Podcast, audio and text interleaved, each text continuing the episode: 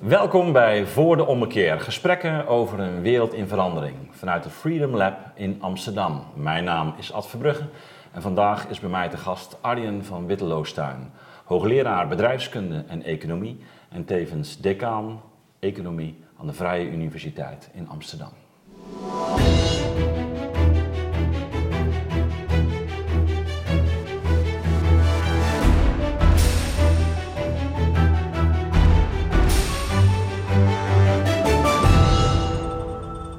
Hoogleraar bedrijfskunde en economie, dat is een, uh, een, grote business volgens mij. We hoeven ons niet te vervelen. Nee. Nee, elke dag nog een keer. Ik ben uh, in de jaren 80 uh, gaan studeren, mid jaren 80. Dat was in een periode dat uh, overal om mij heen werd gezegd: je moet economie of bedrijfskunde gaan doen. Volgens mij hebben we de grote ommekeer destijds in de jaren 80 meegemaakt. Wat, wat studentenaantallen betreft. Want hoe, hoe zit dat bij uh, deze discipline? Dat het veel studenten zijn nu, dat is wel duidelijk. Ik moet zeggen, ik heb zelf economie gestudeerd. En ook bedrijfskunde in Groningen. En ik weet niet eens meer hoeveel collega-studenten ik was. Dat had je niet in de gaten, dus ik zou het niet echt precies weten. Zeker is dat vanaf de jaren 80 het sterk is gegroeid en geprofessionaliseerd. De economie was het altijd al wel zo, maar is ook, heeft nog wel een slag gemaakt. Maar de bedrijfskunde heeft zogezegd het been bijgetrokken. Ja. En is zo langzamerhand een discipline die heel groot is. En uh, ook heel veel onderzoek wordt daar gedaan. Ja, ja, business administration wordt ook vaak genoemd natuurlijk, ja. her en der. Um, als je nou zo terugkijkt op die, die ontwikkelingen, zo vanaf, vanaf de jaren uh, 80. Ik kan zeggen, nou dat is ook de opkomst hè, die we vanaf dat moment zien van wat we nu de, de, het managementcultuur zijn, uh, zijn gaan noemen. Hoe zou jij nou de, de rol die bedrijfskunde met name dan heeft gespeeld in heel die ja, ja. nieuwe cultuur die, die, die zich heeft gevormd. Misschien is die de laatste tijd weer aan het veranderen, maar daar komen we nogal op. Ja. Uh, maar hoe, hoe zou jij die nu uh, ja, beschrijven of hoe, hoe, hoe kijk je daar zelf naar als... Nou, ik heb zelf, wat mijzelf, mijzelf altijd als, als wetenschapper is opgevallen, is, is dat uh, het vakgebied enorm sterk wordt beïnvloed door wat er gebeurt in de Verenigde Staten. Dat was altijd al zo. Dat denk ik niet het enige vakgebied voor het geldt, maar voor dit vakgebied zeker ook. Uh, dus eigenlijk zie je dat hele generaties studenten zijn opgevoed met uh, Amerikaanse ideeën en concepten en theorieën. Um, dat, is, dat is eerder wel begonnen, maar dat is denk ik toen versneld. Maar dat is min of meer parallel gelopen aan allerlei ontwikkelingen, ook in de samenleving en, uh, en in het bedrijfsleven. Waarbij je eigenlijk steeds meer Amerikaanse ideeën rond management en, en, en rond de economie, die we later neoliber, neoliberalisme zijn gaan noemen, zowel op microniveau binnen bedrijven deed dat ze intreden. Ook binnen de overheid, met New Public Management. En ook in de samenleving als geheel, door met marktwerking, deregulering en dergelijke. En dat is eigenlijk dingen die zijn parallel gelopen. Ik vind het een beetje moeilijk om te zeggen hoe nou precies die causaliteit lopen. Dat loopt ja. allemaal een beetje parallel. Maar wat dat betreft heeft ook het vakgebied bedrijfskunde en economie in de algemene zin braaf in, in de peloton ja. meegelopen. Ja, ja. Nee, want de jaren 80 is inderdaad natuurlijk ook het, uh, de periode van uh, Ronald Reagan en ja. Margaret Thatcher. Je, je, je, refereerde al even aan de, de neoliberale, of wat ze neoliberale revolutie uh, zijn gaan noemen. waarin eigenlijk toch de, je zou kunnen zeggen, de, de markt in toenemende mate herontdekt werd als een soort vitaliserend principe. ja. Voor een deel ook terecht hoor, als je kijkt naar de periode daarvoor. Ja, maar het, het een is gedaan zonder het ander te laten. Dat wil zeggen, dat kun je doen. Het ene is marktwerking, maar marktwerking alleen is niet genoeg. Dat moet wel strak. Je moet over nadenken hoe je markten laat werken. Want als je markten hun eigen werk laat doen, dan zie je dat er dingen gebeuren die we nu zien gebeuren. Dat is... Kijk, bedrijven zelf hebben geen belangstelling, belangstelling voor marktwerking. Die hebben het liefst zo min mogelijk. Die zoeken monopolies op, die willen macht. Dus als je dat niet goed in de gaten houdt en oh, reguleert, dus je zegt dan zie je dat markt, dus de, natuur, de natuurlijke neiging in veel markten is juist om langzaamaan marktwerking weg te drukken, althans in de vorm waar je het eigenlijk liefst in ziet, en um, monopolievorming te stimuleren. Nou, dat is eigenlijk al een marktanalyse. Ja, oh, nee, dat is hartstikke oud. Nee, hartstikke helemaal goed gaat ja, maar, maar hè, dat is ja. precies natuurlijk wat Marx eigenlijk ook, ja. ook betoogt. Dat die... Dus een, een goed fatsoenlijk, het zijn altijd kleine uitzonderingen, maar grosso modo kun je zeggen dat goed functionerende markten hebben een, een, een strenge overheid nodig. Die ingrijpt wanneer het uit de hand gaat lopen. In zekere zin zitten we in die discussie nu weer helemaal weer, hè, want je ziet ook in die grote digitale ondernemingen, de Amazon, ja. de, de, de, de, Facebooks, de Googles, die zijn ook eigenlijk precies hetzelfde aan het doen. Die zijn langzaam weer monopolies, aan het vormen. Precies. En dat was vroeger ook al zo. We hebben ook de telefoon in de tijd gehad. Dus de Amerikaanse overheid die was toen anders. En die heeft toen bijvoorbeeld de telefoonmonopolie opgeknipt en allemaal kleine telefoonbedrijfjes van gemaakt. Uh, omdat uit zichzelf daar ook monopolies aan, aan het gevormd werden. Dus in die zin is het uh, erg déjà vu. Zie je dingen, een soort cyclus, dingen die komen en gaan. En, en, wat wij nu denken dat heel modern en nieuw is, eigenlijk al heel lang geleden ook al plaatsvond. Um, en, maar goed, dat, dat is misschien niet de discussie nu. De discussie nu is wat het management daarin ja. betekend heeft. Het management, um, ja, um, ik denk in het grote bedrijfsleven heeft, is, is de aandeelhouder veel belangrijker geworden en de eigenaar. Dus zie je een beweging weg van het Rijnlandse model, waarbij meer naar beneden belangen wordt gekeken. Maar daar het belang van de aandeelhouder is steeds dominanter geworden. We hebben het net weer meegemaakt met Unilever. Ja. Die zelf probeert Rijnlands te zijn, maar eigenlijk door de aandeelhouders wordt teruggefloten. Um, en dat is eigenlijk de, de micro-revolutie geweest. Een steeds grotere invloed van het kapitaal en, en van de aandeelhouder. Um, en binnen de overheid zie je dat ze op een gegeven moment zijn gaan denken dat als wij nu bedrijfje gaan spelen en concepten uit het bedrijf ja, overnemen. Dat is nieuw public management. Dat is nieuw public management. public governance. Die worden wij efficiënter. En, ja. Maar goed, als je efficiënter misschien wel, maar dan word je niet per se effectiever. Ja. Ja, nou, dus dan misschien die, die, die, die eerste opmerking. Je zegt van uh, wat, wat we zien eigenlijk in die periode is dat, dat men in, in, um, in grote ladingen Amerikaans gedachtegoed is gaan, gaan importeren. Omdat met name jouw uh, vakgebied, uh, dat de, de, Amerikanen daar een groot stempel op hebben gedrukt. Hè, van, van, van oudsher, man, managementtheorieën. Um, dat is in de academie binnengekomen. Uh, en is vervolgens vanuit de academie weer bij onze bedrijven terechtgekomen? Om het zo ja, dat zou of, kunnen. Of de overheid? Ja, zeker. zoals gezegd, de causaliteit weet ik niet zeker hoe dat precies gegaan is. Sommige van die business schools bestonden al lang. de London Business School bijvoorbeeld, of INSEAD, zijn natuurlijk al veel eerder begonnen. Dus misschien is dat wat, wat later naar Nederland toe Ja, en als je kijkt naar ons Nijenrode bijvoorbeeld? Ja, maar ja, dat, dat, eh, dat, heeft, dat, dat is daar een, een klein broertje van. Maar dat is anders in die zin dat van de London Business School en INSEAD moet je zeggen dat ze ook in termen van onderzoek in termen van reputatie in de wereld vooraan staan. Dat kun je van Nijrode niet zeggen. Dat is wat dat betreft een... Eh, oké, uh... oké. Okay, Maar goed, dus die, je, je, ziet in ieder geval dat, dat uh, het, het, stempel van Amerikaanse of Anglo-Saxische uh, man managementcultuur, dat, dat, dat dat ook in Nederland ja. steeds zwaarder gaat wegen. Ehm, je had het dan ook over de, over de zogenoemde Rijnlandse benadering. Maar hoe zou je, dat, zou je zelf dat verschil karakteriseren? In het Rijnlandse model is eigenlijk een beetje een, een polderniveau op bedrijfsniveau. Waarbij je veel meer probeert op, op zoek te gaan met verschillende belanghebbenden naar een gemeenschappelijk belang. Formeel is het ook zo. Hè. Formeel bijvoorbeeld moet de Raad van Commissarissen in Nederland het belang van alle relevante partijen behartigen. Dus bijvoorbeeld ook de werknemers. En daarom heb je wel sommige instituties in Nederland die voor Amerikanen wezensvreemd zijn. Zoals de ondernemingsraad. Dat vinden ze maar een raar ding. En die heeft nog veel bevoegdheden ook. Maar goed, dat is vaak, de, de, wet van de, van de, de, letter van de wet wordt niet altijd in de praktijk gebracht. Dus om nou te zeggen dat die heel erg machtig zijn, dat niet. Maar je ziet dus wel e- elementen van dat Rijnlandse model nog altijd in het Nederlandse bedrijfsleven. Maar de facto is de balans steeds meer doorgeschoten. Dat is voor een deel ook omdat in context van internationale concurrentie kapitaal beweegt en arbeid niet. Dus het is ook veel, het is ook veel lastiger om, om, om, om macht van kapitaal te beteugelen. Want ja, het, het, gaat, het, het gaat waar het wil gaan. Het is gauw weer Mhm. Er is handel, dat is lastiger. Dus dat is duidelijk een verschuiving geweest. Niet alle bedrijven geldt er natuurlijk voor. Ik denk dat Ja, want zou je dan binnen Nederland, als jij er nu zo naar kijkt, zou je dan binnen Nederland ook duidelijk sectoren kunnen aanwijzen waar je zegt van nou, dat, daar zie je heel sterk hoe, hoe men die Anglo-Saxische cultuur heeft uh, omarmd? Het is het sterkst bij beursgenoteerde ondernemingen. Want die zitten aan een beurs en hebben met andere aandeelhouders te maken, die vaak ook helemaal niet Nederlands zijn overigens. Um, en je ziet het minst waarschijnlijk bij, bij familiebedrijven. Maar ja, zodra kleinere bedrijven gaan leveren aan grote ondernemingen, dan zullen ze toch moeten dansen naar de pijpen van die grote ondernemingen. Je ziet dus in die keten mm -hmm. van de, de, de cultuur van die grote ondernemingen toch wel deels naar beneden toe, ook in die hele keten doorcijpelen. Um, en moet alles wordt, moet efficiënter, moet goedkoper, moet uh, slimmer, moet sneller. Ja, hoe, hoe verhoud je jezelf eigenlijk tot, tot die ontwikkeling? Ik ben heel kritisch erover. Dus ik weet niet, ik heb toen, in, ik moet het eens nalezen, ik heb toen in de jaren 90 een boek over geschreven, de anorexia-strategie, met -hmm. allerlei kritische noten.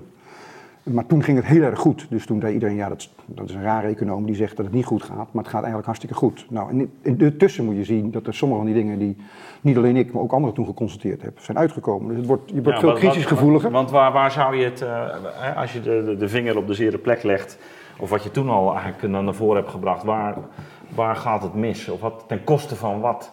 Uiteindelijk denk ik dat het leidt tot een, eh, wat we nu, tot een, tot een vergrote tweedeling in algemeen in de wereld. Waarbij je groeiende, een groeiende, groeiende kloof tussen de rijken en de armen. Dat is heel duidelijk. Het leidt tot een uh, hele grote delen van de samenleving tot een gevoel van controleverlies. Het leidt om de, bijvoorbeeld ook de arbeidsmarkt verandert ook ten gevolge daarvan. Dus al die, al die flexdingen. Hè? Dus de, de, eigenlijk vaak de noodzaak om zelfstandig te worden, omdat vaste banen niet meer bestaan. Leidt tot heel veel onzekerheid. Het, wordt ook, het leidt ook tot een, een, een sluipende ondermijning van sociale arrangementen waar we aan gewend waren. Dus het leidt in algemene zin tot een, een, een toenemende kloof in termen van rijkdom en tot een toenemende kloof in besef van controle. Kijk, de, de top, die kant, die heeft natuurlijk controle over zijn leven. Die is rijk genoeg om mhm. dat te kunnen hebben. Maar aan de onderkant van de arbeidsmarkt vooral hebben mensen dat controleverlies ook nog eens een keer. En dat leidt tot, tot denk ik ook, is een, een deel van de verklaring van, van de opkomst van het populisme en een deel van de verklaring van uh, de toenemende polarisering in veel maatschappijen. Niet de enige, maar wel een belangrijke. Ja, ja.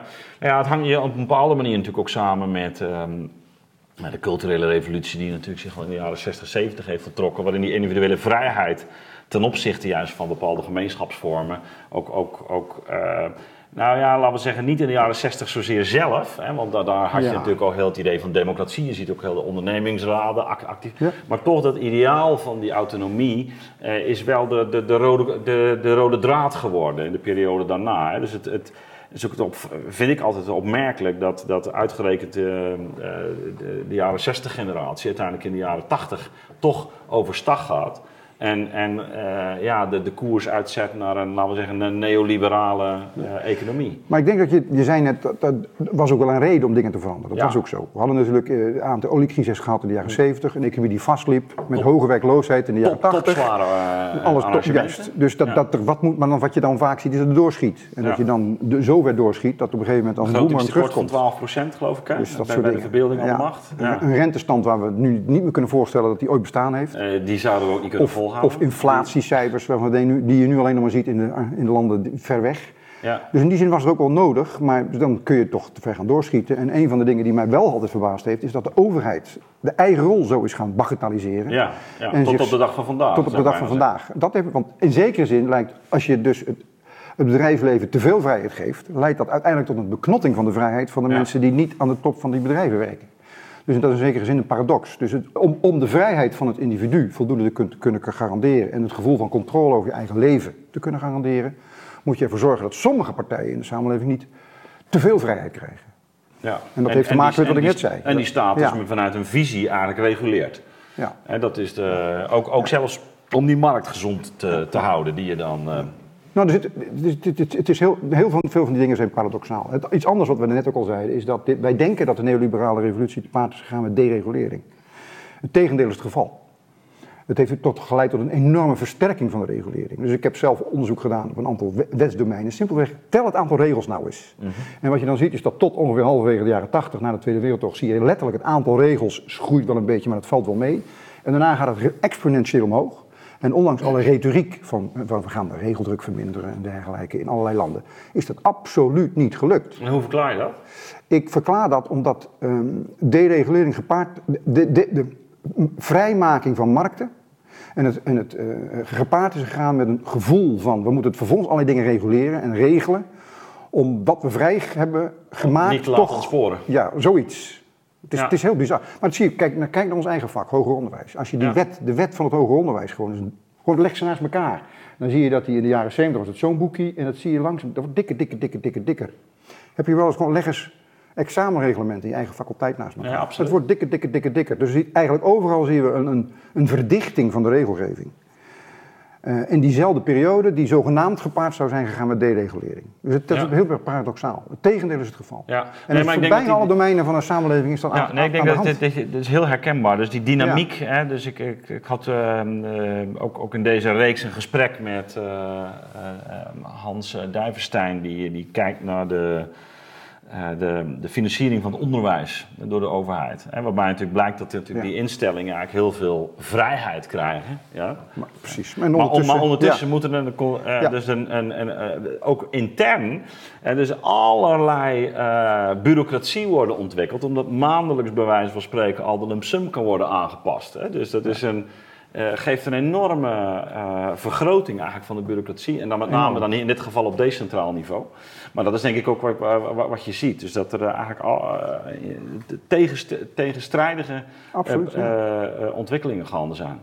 Ja, ja. en... en um, nou goed, dus, dus in, in... En dat leidt dus ook tot, tot ongemak bij grote delen van de bevolking, die aan de ene kant het gevoel hebben dat er allerlei partijen vrijheden krijgen en groter en rijker kunnen worden, terwijl ze zelf zien dat hun achterstand toeneemt terwijl ze geconfronteerd worden met heel veel bureaucratie. Dus dat leidt ook tot een gevoel. Ik kan, ik kan het gevoel van onvrede wel begrijpen. Wat dat betreft. Nou ja, en dat is er dus in we decennia... maken het voor een deel zelf mee ook. Hè? Ah, dus we, zijn, we zijn natuurlijk niet alleen maar de beschouwers van dit, nee, nee. Uh, van dit probleem. Ja. Nee, dus dus de, de, jaren negentig zie je dat, zie je dat opkomen. Hè? En, en, en uh, gek genoeg is jouw discipline is, is, een, uh, is een onderdeel van die ontwikkeling. Ja, ja. Niet de dus- enige discipline? Nee, nee, nee, niet de enige. Want we hebben het net over de, over de overheid gehad. Hè. Ook, bedoel, dus, dus ook heel de, de rol natuurlijk van wetgeving, bestuurskunde, die daar okay, absoluut. een enorme rol in heeft gespeeld. Maar toch, um, je, je, had het zelf al even over die, die invloed van, het, van de Amerikaanse uh, literatuur. Dat betekent dus ook dat je voor een deel eigenlijk je eigen jargon of je eigen taal verliest om bepaalde bedrijfsprocessen te gaan beschrijven. Ja, dus ik heb al heel lang geleden, kan ik me herinneren, dat was er ook aan de VU, was er een groot Europe eh, congres voor uh, uh, wereldwijd organisatiewetenschappers. Dus daar heb ik een pleidooi gehouden om na te gaan denken over meer Europese theorievormen. Ja. Ja, precies. Want al die theorieën die we met z'n allen aan het gebruiken zijn, aan het ontwikkelen zijn en aan het toetsen zijn, zijn bijna allemaal Amerikaans, met een enkele uitzondering. En die uitzondering is echt meer gaan zoeken. En de ironie is, als we natuurlijk nu kijken naar wat er in het Verenigd Koninkrijk gebeurt en in Amerika, daar hoeven, uh, is er weinig reden om nou enthousiast te zijn over de kracht van... Dus het zou eigenlijk goed zijn wanneer we met na gingen denken... wat hebben wij nou eigenlijk aan specifiek Europese inzichten... die we eigenlijk veel beter in de verf kunnen zetten. En verder kunnen ontwikkelen en uitbouwen... in plaats van voortdurend leentje buur spelen. Dat zou heel goed zijn. Maar goed, dat is lastig dan weer voor... Van, kijk, het perspectief van de individuele wetenschapper... die wil publiceren in bladen en die bladen zijn weer Amerikaans enzovoort. Dus je ziet ook een soort van dynamiek in het wetenschappelijke wereldje zelf die dat dus- moeilijk maakt. Dus de, uh, dus de globalisering van de wetenschap zelf is maakt het eigenlijk heel moeilijk om meer die lokale dimensie van, van de economische, maar ook de morele dimensie van, van het economisch leven, om die te verdisconteren in de manier waarop je je bedrijf begrijpt en inricht.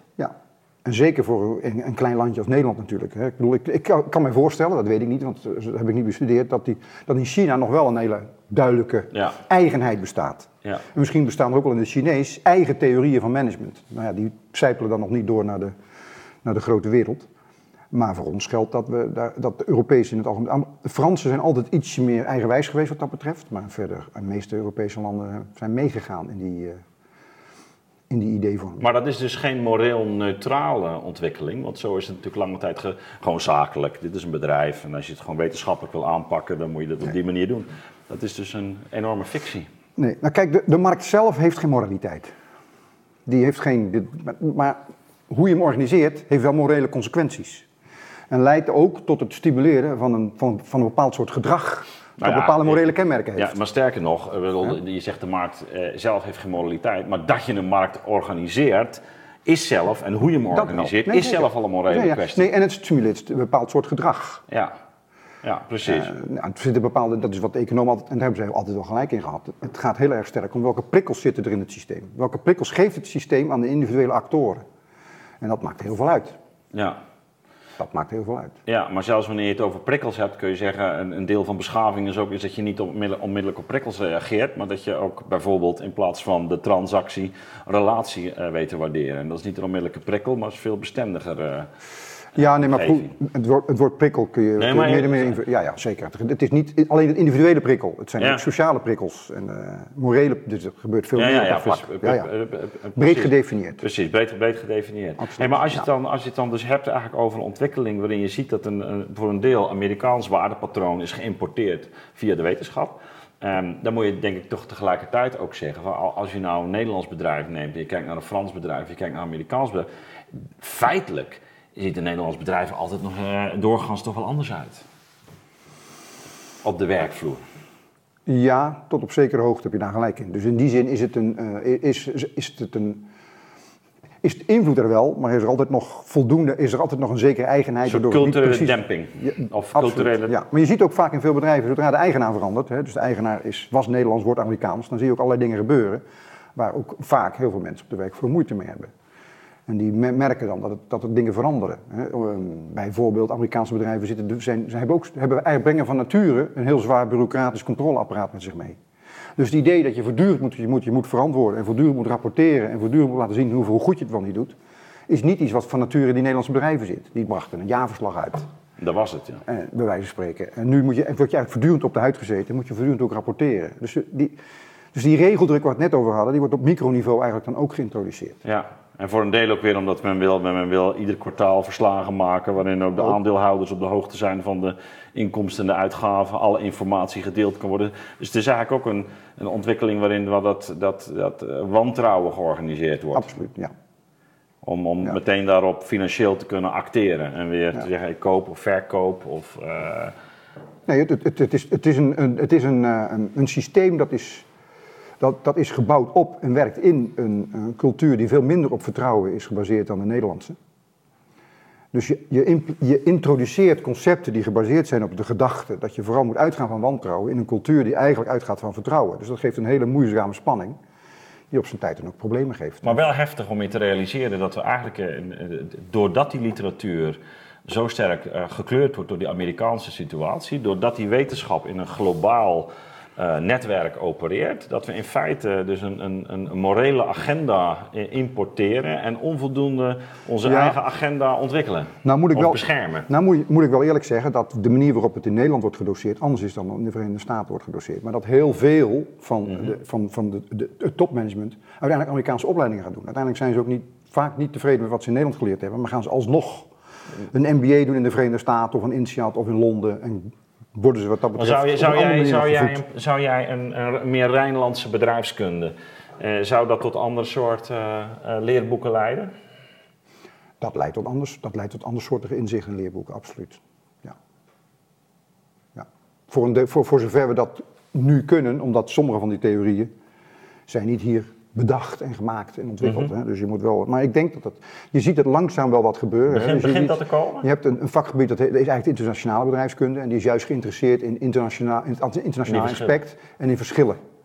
Uh, in verschillen in culturen, in verschillen in, in, in, in handelspatronen, en verschillen in ook het microgedrag, verschillen in leiderschap, verschillen in van alles en nog wat tussen landen en waar, hoe dat kan worden verklaard en hoe je dat uh, goed zou kunnen mengen. Dus dat, dat, die, die beweging bestaat.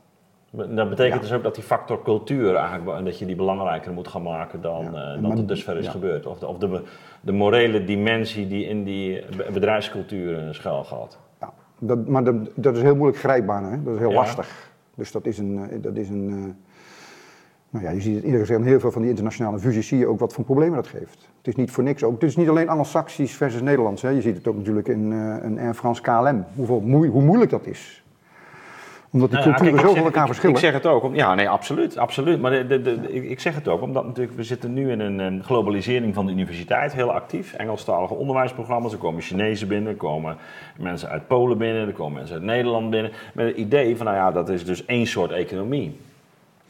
Ja, nou in een opleiding internationale bedrijfskunde krijgen ze geleerd dat dat niet zo is. En dat er grote verschillen zijn. En is het ook het idee dat ze in, in, in uh, in het onderwijs van elkaar leren wat die verschillen zijn en daarmee leren omgaan. Dat is het idee. En dat is het idee wat, eh, wat, wat van de International Classroom. idealitair. Idealitair. Ideaal, maar dan moet je wel ook die boeken hebben waarin je ook in staat bent om, uh, laten we zeggen, langs die lijnen. Uh, je, je, wat betekent het dan om bijvoorbeeld een reorganisatie door te voeren of een of een bedrijf uh, optimaler in te richten? Of wat, is dan een goed leiderschap? Of... en hoe ga je om met diversiteit, vooral ook met culturele diversiteit? Dat moet je, dat moet je leren. Ja, of een onderneming, wat is een ondernemingsraad? Wat is een ondernemingsraad? Ja, dat en hoe ga je daarmee om? En dat zijn institutionele verschillen. Ja. Nou heb jij ook in het verleden veel onderzoek gedaan naar de, de, de effecten bijvoorbeeld van Um, we hadden het net over internationalisering, van het veranderen van taal. Dat, en dat heb ik altijd uh, bijzonder interessant gevonden. Je zegt van nou, er gebeurt eigenlijk iets op het moment dat uh, mensen in dit geval Engels gaan spreken met elkaar. Dan gebeurt er ook iets met hun eigenlijk morele ontwikkeling. Kun je, kun je dus zeggen wat, wat, nou, je daar ontdekt het, het, is begonnen, het, ik ben niet precies hoe, hoe we daar naartoe zijn gekomen, dat idee. Maar op een gegeven moment had ik het idee van laten we nou eens een keer een heel standaard spelletje mhm. uit, de, uit de economie, de micro-economie, dat is het business dilemma, het gevangendilemma. Ja. Wij moeten samen, of wij werken samen, of we gaan we eraan concurrentie. Dat is grofweg de keuze waar we voor staan. En laten we nou als Nederlandse studenten, de helft doen we, het is ongeveer 300 in totaal geloof ik, de helft laten we dat spelletje in het Nederlands spelen en de helft in het Engels. En wat we daar toen constateren is dat de studenten die het in Engels moesten doen, gingen veel meer concurreren, terwijl de studenten die dit spelletje in het Nederlands spelen, gingen veel meer samenwerken. En verder was alles hetzelfde. Alleen de taal was het enige dat verschillend was tussen de twee contexten. En we zagen het vooral, dat effect, bij studenten die drie maanden of langer in een Anglo-Saxisch land hadden gewoond. Nou, dat was het begin. Dus toen zijn we na gaan denken van wat, wat gebeurt hier nou eigenlijk? Wat kan dat zijn? Nou, één theorie is wat wij hebben genoemd culturele accommodatie. Dat wil zeggen, je gaat je, je gaat je gedragen naar de cultuur die associeert met de taal waarin je moet opereren. Die, die, die moraal die, die neem je over. Met, met die taal meekomt. Die komt met die taal mee en dat neem je over. Een soort sfeer waarin je... Ik, ik merk het ook als ik, een taal, als ik in het Engels ga praten, dan kom ik in een iets andere sfeer terecht. Ja. Dus je wordt, en dat betekent dat je denkt dat je individualistischer en competitiever wordt, want dat associeer je met het Anglo-Saxische wereld. Oké. Dat, is, dat is een verklaring. Maar er zijn ook andere verklaringen denkbaar, dus dat zijn we langzaam proberen we dat te ontrafelen. Maar we zien hetzelfde effect hebben we gezien, uh, toen zijn we dat ook gaan halen, bijvoorbeeld in een, in een public choice Waarbij jij en ik allebei moeten investeren hoeveel wij bereid zijn te betalen, te investeren in het publiek goed. Mhm. In iets waar jij van gaat mee profiteren. En dan zien we precies hetzelfde. Dan zien we dat in het Nederlands studenten dat veel meer doen dan in het Engels. Dus er is een krachtige hey, wacht even, kun je het nog een keer uitleggen? Dat Nederlandse studenten in precies dezelfde spelcontext in het Nederlands veel meer investeren in een publiek goed dan ze dat doen in het Engels. In het Engels investeren ze er veel minder in en houden ze veel meer voor zichzelf. Dus we zien dat patroon terugkomen.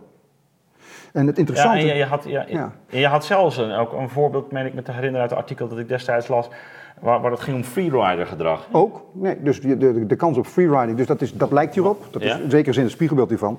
Want in het Engels vertonen ze veel meer freerider gedrag dan in het Nederlands. Ja, even, even toelicht voor de kijker, wat, wat, wat zie dat je dan? Ze, dat ze dan in het, in, het, in, het, uh, in het Engels veel makkelijker ervoor kiezen om niks te doen en mee te profiteren van wat anderen doen. Terwijl ze in het Nederlands dat niet doen en denken ik moet meedoen. Dus ze gaan niet liften, op meeliften op maar de inspanning dit, van is dit, is dit serieus wetenschappelijk onderzoek? Eh? Zeer serieus. Nee, dat is echt in een, in een, in een, een experimentele context. Waarbij je eigenlijk grosso modo alle condities hetzelfde houdt behalve de taal. En waarbij je ook voor allerlei dingen controleert voor zover je dat in het lab die dat kunnen doen. Er zijn bijvoorbeeld verschillen tussen mannen en vrouwen. En wat zeggen psychologen hierover? Over deze uitkomst? Dat nou, zou je bijna interdisciplinair ja, moeten. Ja. Nee, het is ook inmiddels ook wel op een aantal terreinen hebben we. Het is eigenlijk ook heel dicht tegen de linguïstiek aan. Hè? Ja. Nee, het is, het is eigenlijk gezegd, het, type van, het, dit type onderzoek is vrij nieuw. Want er is wel lange tijd een, een theorie geweest, die, maar die is op een gegeven moment weer verlaten dat taal heel veel effect, zou hebben op mensen. Dat is wat langzaam wat meer losgelaten. Dat is eigenlijk het, het, thema van de filosofie in de 20e eeuw. Hè? het heeft echt. Taal, maar het heeft dus taal, echt denken, voelen, zo met elkaar verweven zijn. En we laten nu ook duidelijk gedragseffecten zien. Hè? Er zijn inmiddels ook bijvoorbeeld is er een casusstudie gedaan in een, een, een Franstalig Canadees bedrijf dat overstapte naar Engels als bedrijfstaal. En dat leidde tot een soort omkering van de hiërarchie. Dus dat mensen die lager in de hiërarchie zagen, maar van wie Engels het moedertaal waren, werden machtiger. En de Fransen, Franstaligen hoger in de hiërarchie, werden minder machtig. Dus je ziet heel veel effecten als, als ten gevolge daarvan. En dat is dus echt enorm. Dus, maar we zijn pas aan het begin om dat uit te zoeken. Hè. Een van de dingen waar we nu proberen. Maar het lijkt, lijkt me uiterst relevant. Ja, kijk, ik moet meteen denken aan. Um, uh, Breiten Breitenbach, die heeft uh, met betrekking tot Afrikaans, heeft hij wel gezegd. Hè, dus uh, je hebt natuurlijk ook heel die discussie in Zuid-Afrika rond de verengelsing. Hè, dus ja. wordt dat een multilinguïstische cultuur of wordt het toch meer een monolinguïstische cultuur? En nou, Breiten Breitenbach, die nou ja, niet, niet verdacht kan worden van apartheidsdenken, hè, dat, dat weten we. Uh, maar die heeft een pleidooi gehouden voor het Afrikaans. En, en hij doet dat uh, met, met, met woorden die, die eigenlijk hierop lijken aan te spreken. Hij zegt, ja, die, die, die moedertaal, hè, dus hij, hij verbindt het met moedertaal. En dat, dat zou nog een ander element kunnen zijn. Eh, dat is hartstaal. Dus dat is taal die als het ware dieper emotioneel ingrijpt. Ja. Dus, dus, Dus het, eh, kan- het kan ook best zo zijn, maar dat, dat moeten we dus nu uitzoeken. Ja. Het kan best zo zijn dat mensen in een vreemde taal meer terugvallen op, op, op heuristieken. ja, Het kan best zo zijn dat hun brein zo druk is met die taal, ja, dat ze, ei- of dat ze minder rationeel worden. Kan ook. Dat we, we weten niet precies wat er gebeurt, maar dat er iets gebeurt is wel duidelijk. Dus wat we nu hebben, we hebben nu een reeks van experimenten gepland, maar dat duurt lang voordat je dat één voor één moet proberen af te toetsen. Van welk mechanisme ligt nu aan, ons, aan de grondslag? Een andere bijvoorbeeld, die ook wel in de literatuur is geuit, is wat heet foreign language anxiety. Is dat mensen eh, het, hun zelfvertrouwen ondermijnt in een andere taal. En dat is een effect dat optreedt los van de mate waarin je eh, eh, vloeiend in die taal bent. Dus daar controleer je voor. Zelfs als je controleert voor de mate waarin je vloeiend bent in een taal, zie je dat die vreemde taal bij veel mensen leidt tot een ondermijning van het zelfvertrouwen. Dat ze toch minder zelfzeker zijn. Dat ze minder snel het woord nemen. Dat ze iets terughoudender worden. Dat Ja. de native speakers toch laten domineren. Ja, ja, ja, ja dat Dus kan, je ziet- je ook, kan je- ook je wel kunt- je ziet- voorstellen. Met andere woorden, de gedragsconsequenties zijn enorm van, eh, van, het moeten, van het werken. En nu is ook nog weer interessant, maakt het nog uit welke talenparen we nu bestuderen? Want een taal heeft ook grammaticale kenmerken. Er is bijvoorbeeld ook onderzoek gedaan, er is gebleken dat talen met een, met een toekomstige tijd, want het- niet alle talen hebben dat, Mhm. in dat soort landen wordt meer gespaard. Want als je een toekomende tijd hebt, is de toekomst in zekere zin is, zit, zit, zit meer hier. Als je dat niet hebt, is eigenlijk alles het heden. De toekomst is toch ingewikkeld, er zit niet echt in de taal voor ingebakken. En daar sparen ze minder. Ja, ja, ja, ja. Oh, dat is interessant. Zeg. Dus we zijn echt, er zijn de, de, we zijn aan het begin van de onderraveling hiervan. Ja, maar ik de- moet me altijd denken aan die, die, Ja. die, die, die, die ingenieuze tijdsconstructies die je soms in het Nederlands ook eh, kunnen maken. Hè? Dus eh, het Ja. verleden, toekomstig, eh, nou dit- hebben, zouden, moeten, kunnen, willen of zo. Weet je, het is, een gek, gek soort Dus structuren ik vermoed, die je kunt ik, ik, mij weet of dat nou echt de Nederlandse als zodanig onderzocht is, weet ik niet. Maar dit, vermoedelijk hebben wij dus een, zijn wij sneller geneigd tot sparen. Misschien is dat ook een van de redenen, nou gaan we wel heel snel hoor, dat we een heel goed pensioenstelsel hebben. We denken echt vooruit. Ja, nee, maar, ja, nou, we hebben het, eh, dat boek uitgebracht, Ja. hè, Waartoe is Nederland op aarde, waar, waar ook die omgang met het water eigenlijk Nou ja, even in, eh, in relatie wordt gebracht tot, tot Ja. eh, precies nou ja, dit, dit soort kenmerken. Hè. Dus het, de accent op veiligheid, op, op bepaalde mate van duurzaamheid omdat eigenlijk al heel, wij heel vroeg in, met, met bestaanscondities werden geconfronteerd waarin samenwerking belangrijk was. Ja. Waarin ja, een dijk bouw je niet voor een jaar, dat doe je. Hè. Dus je moet lang vooruit kijken. En dus het, dat ook pensioenfondsen hebben natuurlijk ook iets te maken met een langjarige eh, eh, ja, zekerstelling. Ja, absoluut. Eh, en, zekere, eh, en dus dat verzekeringswezen heeft ook een hele oude geschiedenis in, eh, in Nederland. Hè. En, maar dat is, dat, is een interessante eh, eh, denk ik, thematiek. Ook, ook te weinig onderkend, naar mijn mening, binnen de academische wereld. Want het betekent dus eigenlijk dat ook de kwestie van taalvaardigheid en taalbeheersing en moedertaal en moedertaalbeleid, dat is geen moreel neutrale eh, aangelegenheid. Nee, je moet er dus wat mee. Dus waar ik voor pleit, dat is, dat we dit type van... Als je dus een opleiding hebt waar meerdere culturen en meerdere talen bij elkaar komen... moet je mensen dus eigenlijk opleiden en la- la- laten snappen wat taal met mensen doet. Ja, En, dit, en, en ik zou dat zelf heel... Ik zou dat zelf ook in de vorm van die spellen doen. Want als ze dat dus... Je legt eerst niks uit, ze doen zo'n spel... en later leg je uit wat ze hebben meegemaakt. Dat heeft een enorme impact. Ik heb dat, als ik dat spel ook doe met, met studenten... Dat, dat is echt wauw. Nou, dat, dat wist ik niet. Dus dat heeft een enorme... Ja, het is ook, het is ook niet zo gek, hè? Want eh, bewustwording alleen Ja. het feit dat wij hier in, in Ja. het Nederlands het gesprek met elkaar voeren. En waarin eigenlijk wat we zeggen maar één, één onderdeel is natuurlijk van, van, van ons contact. Ja. En eh, ik zeg ook wel, het is, het is ook veel moeilijker om iemand eh, uit het buitenland te lezen. Hè, dus dus eh, Ja, de, eh, eh, Russen lijken veel meer op elkaar, Polen lijken veel meer op elkaar, eh, Fransen lijken veel meer op. Wanneer ze Engels gaan praten, hoor je allemaal bijna dat bij een Nederlander we al veel sneller dus doorhebben wat Nou ja, voor soort maar ook nuances her- wij spelen. herkennen ook in het Nederlands accenten. We horen dat Ja, een. Groninger en een Limburger. Voor Ja, een buitenlander zijn het allemaal, is het allemaal Kijk, dat, onverstaanbaar. dat ligt boertige, dat hoor je bij ons dat natuurlijk. is, dat is, dus, dat is, Dat is, dat is, en wat nee. ook hebben, we- in, we- in hoeveel talen kun je grapjes maken? ja, Dus wanneer kun je humor inzetten? Dan moet je toch een taal goed beheersen. ja. Maakt ook uit. Ja, ja, absoluut. Ja, ja, goed, je weet, eh, Ja. ik, met, met, met mijn onderwijsvereniging hebben we die kwestie precies van de, van de verengelsing van de universiteit ook eh, eh, aan de orde gesteld. Maar mede ook om die reden dat, dat eh, ja, de taal niet zomaar een communicatiemiddel is, maar hoort bij, ook bij vorming. En, en eh, eh, ja, ook, ook dat we er ons van bewust moeten zijn wat er gebeurt wanneer we ons hele hoger onderwijs aan het verengelsen zijn. Ik bedoel, dit zou een reden te meer zijn om te zeggen van Ehm, eh, misschien moet je toch wel een, eh, in ieder geval een, een stap op de plaats maken. En je moet het een plek geven in het onderwijs. Ja. Dus wij zouden Ja. eigenlijk in alle opleidingen die eh, meer, misschien moet je zelf ook in het Nederlands weet ik niet, maar die anderstalig zijn, moet je dus in, het curriculum dit type van inzichten een plek geven. Dat, dat Ja. studenten weten wat dat allemaal met ze doet. Ja, want dit En is met de wereld. En met, En met de wereld.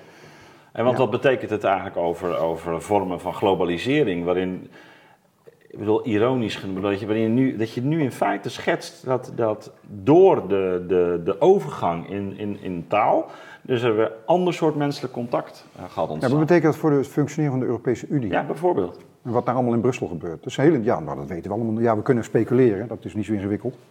Maar echt weten doen we het nog niet. Maar ook als je zegt, dus we, we, waar we we, gaan dus nu eh, tot eh, aan de universiteit zelf gaan vergaderen in het Engels.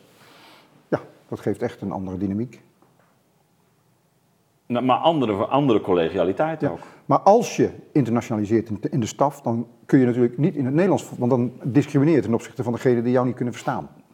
Dus nou ja, of, je, of je draait het om. Je zegt gewoon, nou ja, eh, de- de- je, je zorgt dat, dat mensen de tijd hebben om, om gewoon in te burgeren. Ja, het Nederlands leren. Ook dat, Ja. zeker ook. Maar, ook dan, maar ook dat doet met die mensen wat. Want die moeten dan in een vreemde taal opereren. Dus ook in alle gevallen, wanneer je dus hebt, mensen hebt die met, vanuit een verschillende taalachtergrond met elkaar moeten interacteren, moeten ze, is, kan het geen kwaad dat ze leren begrijpen wat taal met mensen doet. Dus ook met elkaar. En in met zichzelf. dat ze meerdere talen leren dus. En meer, dat is heel goed, ja. Dus ik ben bijvoorbeeld, heb ik toevallig nog met de decaan van, eh, van jouw faculteit over Ja. Misschien moeten we dus wat meer talen, een, een opleidingen doen, eh, business en, en language. En dan leren mensen dus business dingen. De helft van, ze leren gewoon boekhouden en al die dingen. En marketing. Maar ze- de andere helft van de tijd besteden ze aan de- het goed leren van een andere taal dan de eigen taal. Ja. En dan kunnen ze kiezen voor het Duits of voor het Engels, whatever. Ja. Dan krijg je toch een heel ander soort van opleiding. En onderdeel van zo'n opleiding zou ook zijn dat mensen snappen wat taal met mensen doet. Ja, Dus- want het is natuurlijk tamelijk ironisch wanneer je Ja. bedenkt dat de grote in de industriële revolutie waar wij momenteel eh, onszelf in be- bevinden, dat, dat is een informatie- en communicatierevolutie. Ja, Hè, ICT. ja. Eh, niet de eerste overigens. Hè. Nee, bedoel, niet- niet de, de telefoon en telegraaf was nog op. Zeker, maar, maar goed, dus, Ja. dus, eh, Ja, zeker, die hadden ook allemaal met communicatie te maken. Dat is eigenlijk standaard, hè. zelfs de, de trein heeft de communicatie veranderd. Maar nu is het heel uitdrukkelijk. Hè. We, we, we, we, communiceren dagdagelijks eh, met allerlei mensen. Eh, en dit, dit onderdeel is natuurlijk essentieel.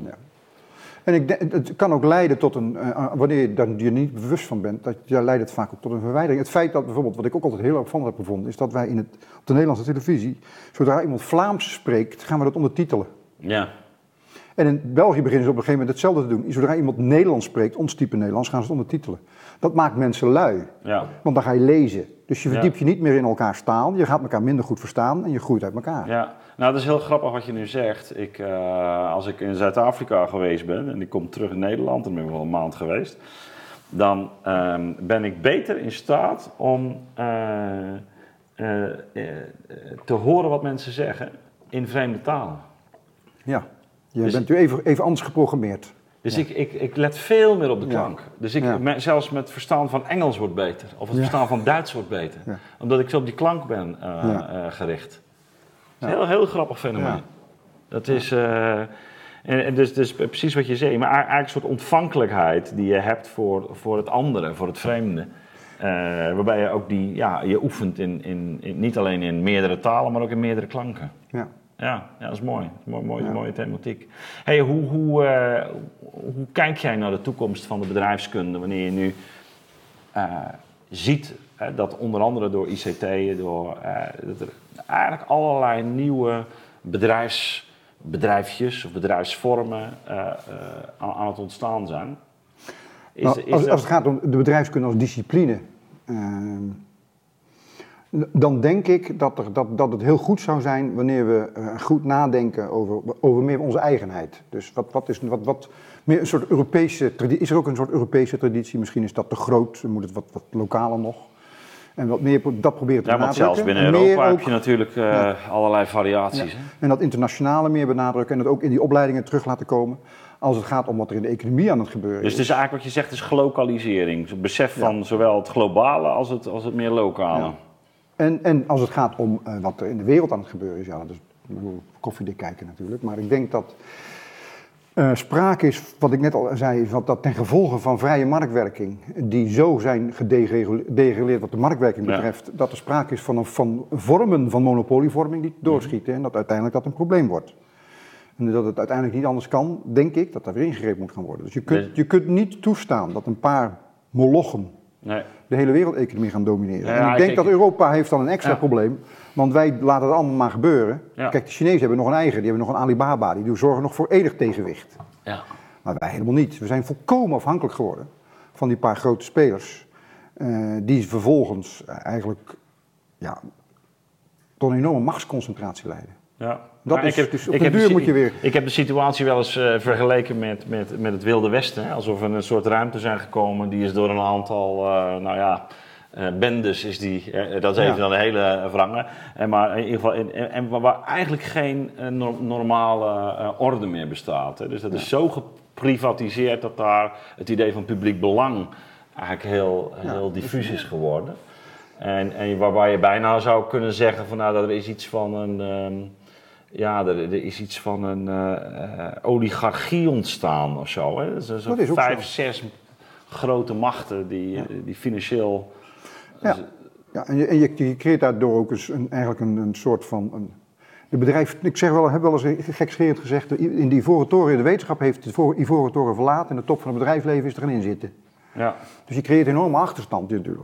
De, eh, afstand tussen wat daar allemaal aan het gebeuren is en wat gebeurt. Maar dat vraagt in feite dat een over, overheid eh, op, op, zich nieuw bezint op haar fundamentele uitgangspunten. Ja. En dan, van beleid. Hè? Dus, en, maar dus je kunt niet ontkennen dat de wereld intussen is gemondialiseerd. dus je, moet, je kunt als Nederland alleen wel wat, maar er zijn grenzen aan wat je kunt doen.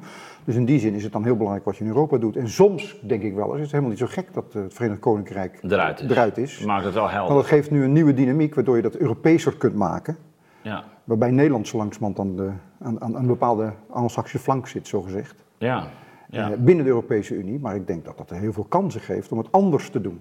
Ja, nou, in ieder geval een nieuw, nieuw soort balans tussen, tussen wat, wat we dan het Anglo-Saxische en, en de wereldmarkt noemen en, en meer lokale, eh, moreel eh, getinte afwegingen. Dus dat die markt op een nieuwe manier uh, gepositioneerd wordt in het hele. Ja, dat is moeilijk genoeg hoor, met 27 landen. Die bepaalt niet overal hetzelfde. Nee, dus dan, ik denk dat Europa daar sowieso een rol in heeft. Dat is helder, ook waar het gaat om die internetgiganten. Maar dat, dat je, je juist ook, ook nationaal een, een, enorme taak hebt.